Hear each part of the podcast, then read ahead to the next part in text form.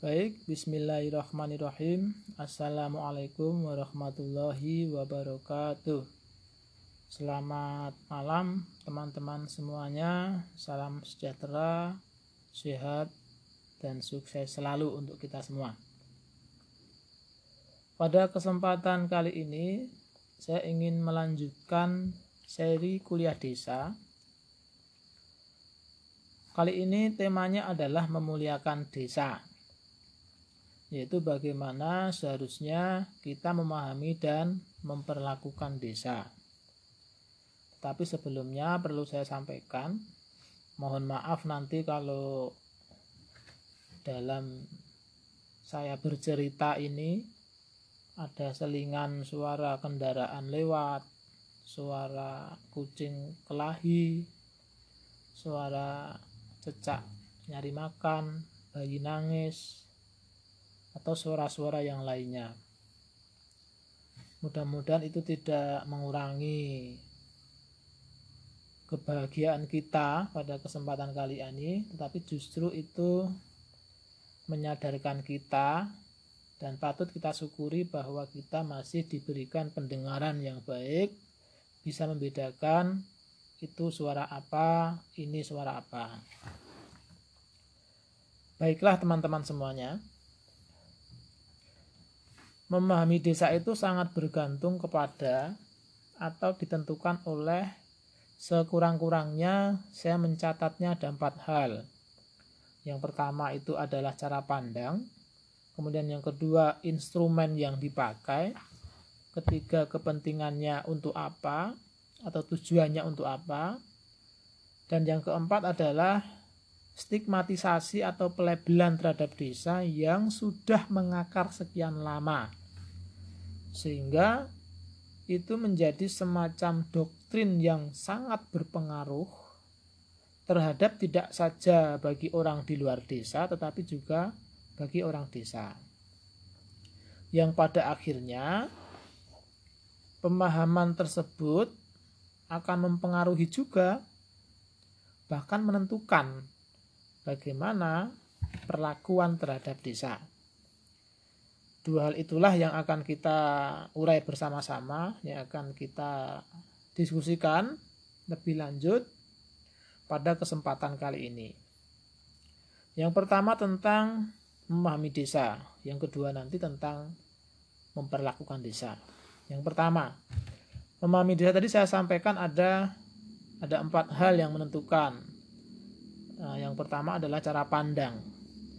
Jadi kalau kita perhatikan ketika orang memulai untuk mencari tahu, mencari pengetahuan atau berusaha untuk memahami sesuatu, dia akan berangkat atau menggunakan cara pandang. Dan cara pandangnya ada banyak, ada beragam. Ada cara pandang kita kenal agama, filsafat, sosial, politik, ekonomi, pendidikan, kebudayaan, dan masih banyak lagi. Lalu bagaimana ketika kita ingin memahami desa menggunakan cara pandang-cara pandang tersebut? Salah satu atau berapa? itu tidak masalah. Itu tidak menjadi persoalan, tetapi saya hanya ingin mengingatkan alangkah baiknya ketika kita berangkat dari tidak tahu atau sebut saja itu sebagai cara pandang titik nol. Meskipun kita berangkat dari tidak tahu, tetapi setidak-tidaknya kita memiliki dua hal yang itu akan menjadi bekal kita dalam memahami desa secara otentik, secara utuh. Yang pertama, instrumen untuk mencari tahu. Ini nanti bisa berupa instrumen penelitian, instrumen untuk mencari sumber-sumber pengetahuan di luar penelitian atau yang lainnya. Kemudian yang kedua itu komitmen. Komitmen terhadap apa? Komitmen terhadap pengetahuan atau informasi atau data yang kita dapatkan dari proses mencari tahu tadi, kita harus memiliki komitmen untuk membiarkannya tetap pada posisi apa adanya maksudnya adalah tidak bercampur dengan asumsi-asumsi, tidak bercampur dengan hipotesa-hipotesa, tidak bercampur dengan kesimpulan-kesimpulan yang kadangkala kita sudah menyusunnya terlebih dahulu sebelum kita berangkat memulai proses memahami desa. Nah ini penting, mengapa?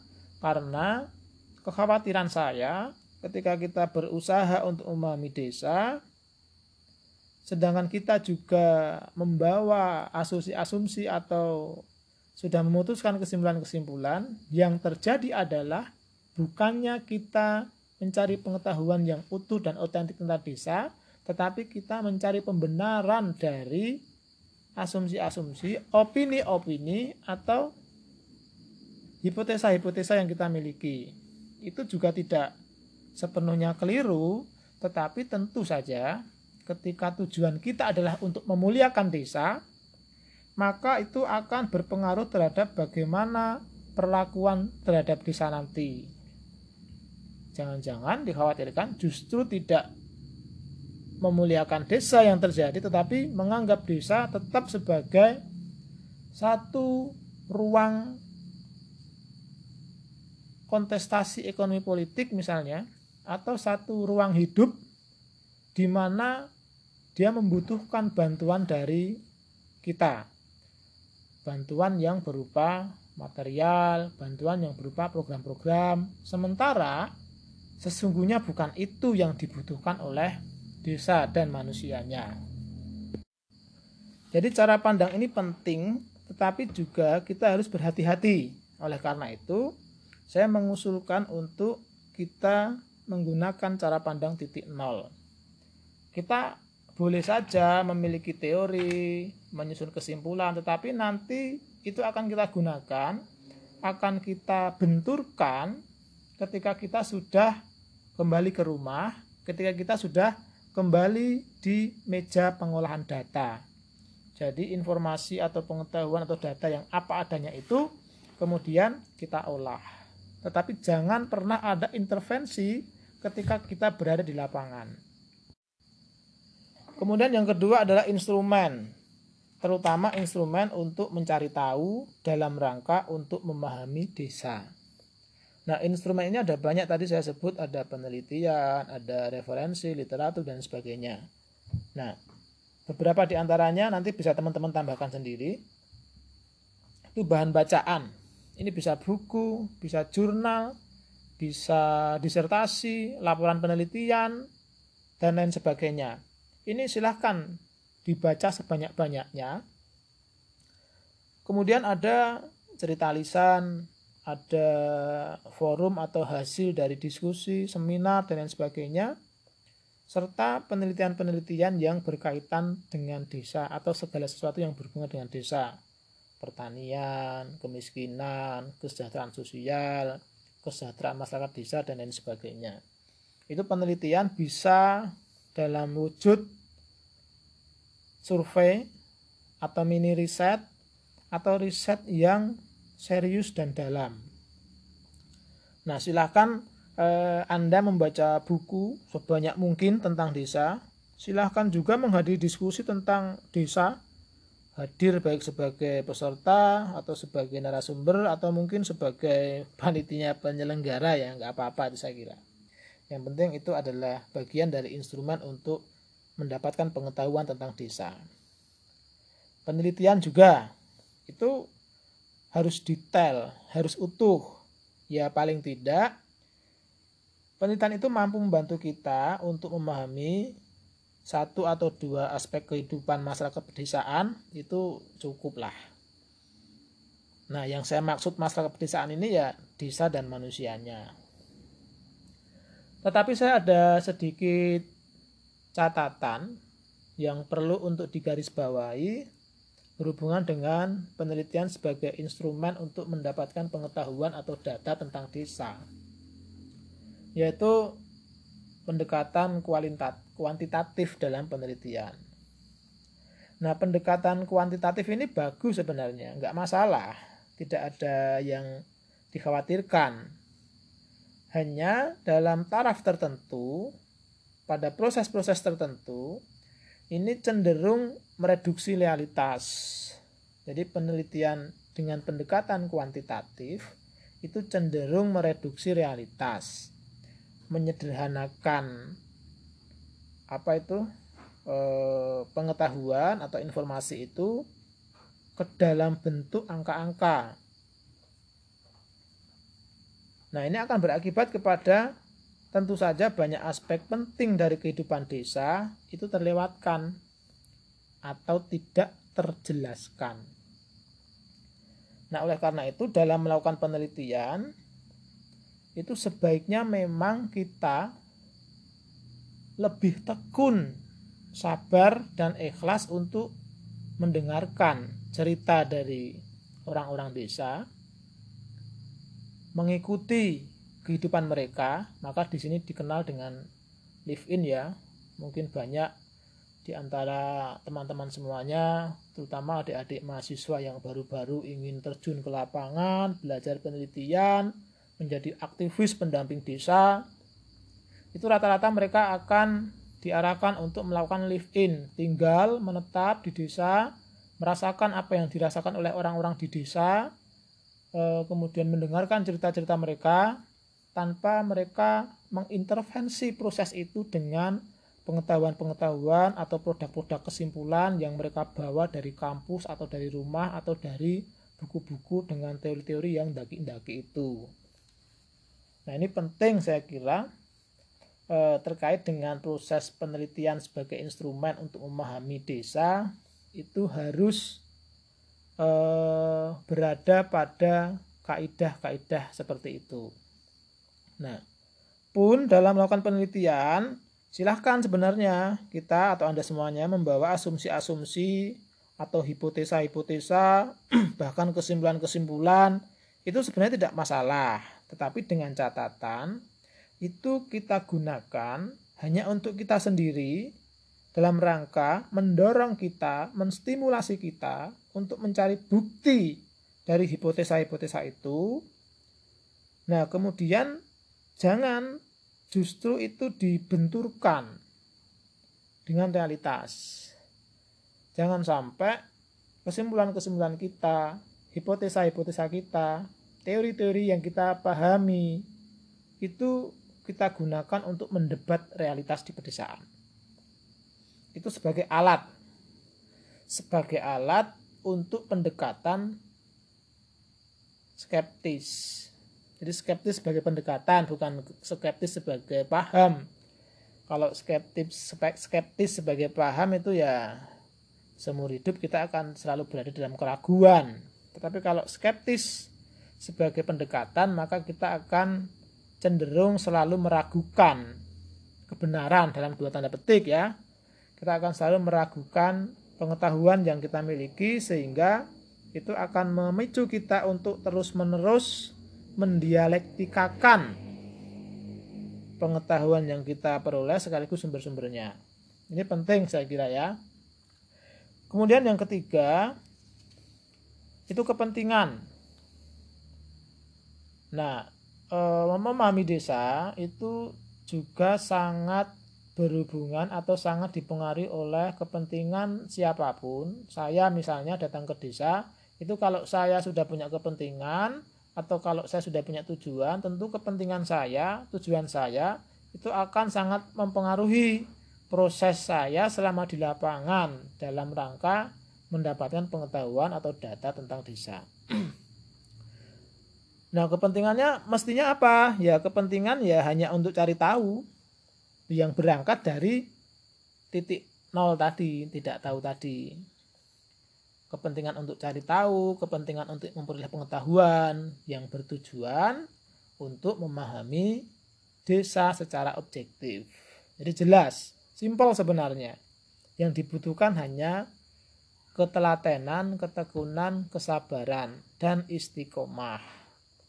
Kalau kita semua ingin belajar memahami desa dalam rangka memuliakan desa, bukan belajar tentang desa dalam rangka mendapatkan bagian atau justru menguasai proyek-proyek pemberdayaan desa. Itu beda jauh. Nah, tadi tujuannya untuk memahami desa secara objektif. Kalau sudah seperti itu, maka ke depan untuk melakukan sesuatu dalam rangka memuliakan desa. Atau setidak-tidaknya membangun inisiasi atau kampanye-kampanye tentang pemuliaan desa. Supaya apa? Supaya desa tetap lestari. Dengan begitu, maka hasilnya, hikmahnya, keuntungannya, kalau kita berbicara pragmatisnya, sisi pragmatisnya, itu akan kembali kepada kita juga. Karena desa tetap akan sebagai ruang hidup yang asri, yang harmoni, yang damai. Desa juga akan tetap menjadi sumber produksi kebutuhan hidup untuk seluruh manusia Indonesia. Jadi yang kita makan itu padi, yang kita makan, itu jagung atau hasil olahan dari padi, jagung, ubi, kedelai, buah-buahan seperti semangka, melon, pepaya dan lain sebagainya. Juga sayur-sayuran, bumbu-bumbuan itu tidak mungkin e, dalam skala yang lebih besar itu ditanam di kota karena kita tahu di kota sudah penuh dengan tanaman-tanaman dalam wujud beton, dalam wujud hotel, dalam wujud mall, dan lain-lain sebagainya. Nah, kemudian yang keempat itu berhubungan dengan stigmatisasi pelabelan. Nah, di sini eh, saya ingin mengajak teman-teman semuanya untuk berhati-hati. Kita memang harus mengakui sebenarnya dan menyesalkan mengapa masih saja ada yang mengidentikan desa sebagai tempatnya segala sesuatu yang bersifat kuno atau tradisional. Mengidentikan sebagai tempatnya orang-orang yang terbelakang, berpendidikan di bawah rata-rata, terisolir, miskin, memiliki kesadaran rendah terhadap politik dan perkembangan teknologi atau gaptek. Banyak anak kotor, lusuh, susah maju. Juga stigma-stigma yang sebenarnya kurang tepat. Beberapa mungkin memang pas, tetapi tentu ada alasannya. Benar bahwa orang desa itu banyak anak. Benar bahwa secara faktual orang-orang desa itu kotor ketika berada di sawah atau pulang dari sawah lusuh ketika penuh dengan keringat. Tetapi kekotoran mereka, kelusuhan mereka itu untuk memastikan apa yang kita butuhkan itu selalu ada.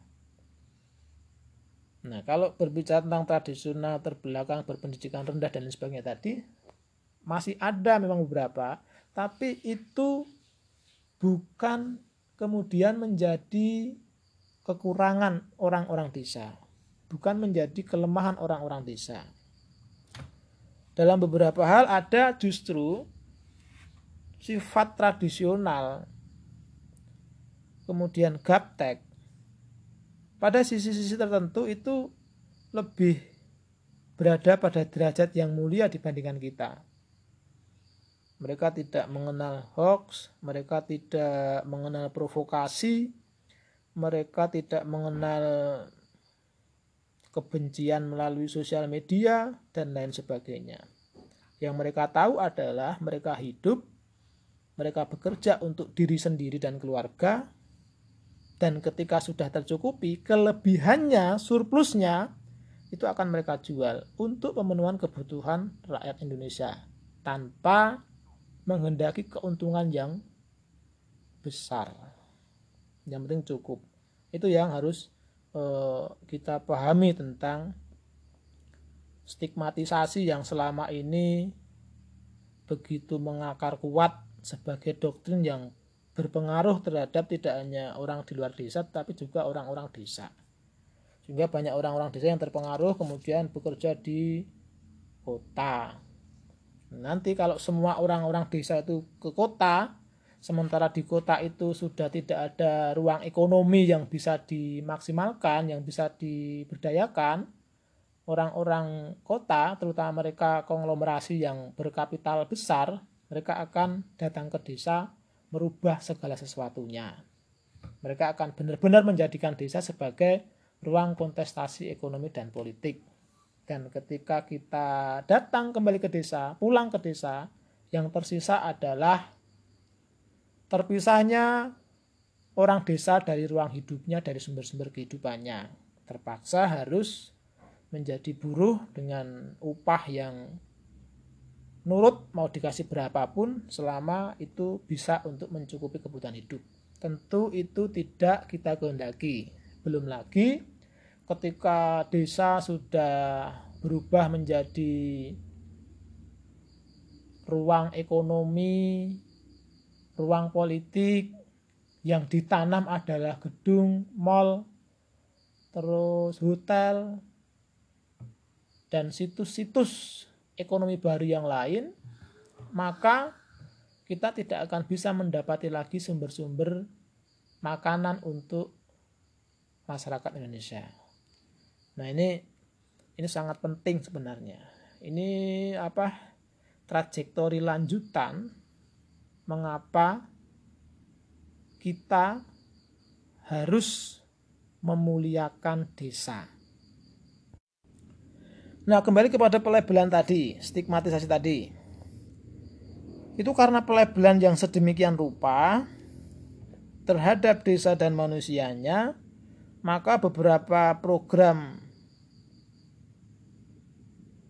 di mana desa itu sebagai sasarannya atau objeknya itu cenderung lebih bersifat karitatif dependensif. Kita lihat mau dari pemerintah mau dari swasta itu karena mereka memahami desa kayak tadi itu miskin lemah kotor butuh bantuan pendidikan rendah maka program-programnya ya program yang bersifat karitatif dependensif program yang didasarkan pada rasa belas kasihan dan itu berdampak lanjutan terhadap kebergantungan dan itu sifatnya sesungguhnya saya ingatkan sangat destruktif sehingga itu juga menjadi bagian dari yang turut merubah desa menjadi desa-desa yang mungkin beberapa kita kenal atau mendapatkan beritanya. Karena apa? Karena semua itu akan turut membentuk watak kepemimpinan desa, akan turut membentuk pola pikir dan perilaku sosial masyarakat desa, Nah, akhirnya itu beberapa program yang serupa tadi itu justru semakin mengasingkan desa dari kedesaannya yang sejati. Nah, saya kira itu untuk sesi memuliakan desa eh, tetap sepertinya memang masih ada beberapa yang belum lengkap, tapi saya rasa sebagai sesi satu dari memuliakan desa ini ya cukuplah untuk menjadi cerita kita pada malam hari ini. Terima kasih kepada teman-teman semuanya yang sudah mendengarkan dengan ikhlas. Mudah-mudahan ini bermanfaat terutama untuk saya sendiri sebagai ladang ganjaran di bulan Ramadan di tengah wabah pandemi yang mengharuskan kita merubah beberapa hal dalam kehidupan kita. Tapi kita berdoa mudah-mudahan ini cepat berlalu dan Allah Subhanahu wa taala, Tuhan yang Maha Kuasa memberikan kehidupan yang lebih baik ke depannya. Amin ya rabbal alamin. Terima kasih Salam untuk semuanya, sehat dan sukses selalu. Monggo dinantikan sesi kuliah desa versi audio berikutnya. Ada dua yang sedang kita persiapkan yaitu ini lanjutan dari sesi hari ini yaitu memuliakan desa sesi 2 sama pembangunan desa tujuan dan syarat-syaratnya. Terima kasih. Mohon maaf atas banyak kekeliruan, salah, salah, hilaf dan mungkin ada selingan-selingan suara apa tadi, suara anak saya yang mengantuk dan lain sebagainya. Tapi saya rasa itu adalah karena rahman rahimnya Allah Subhanahu wa taala. Bila taufik walidayah, wassalamualaikum warahmatullahi wabarakatuh.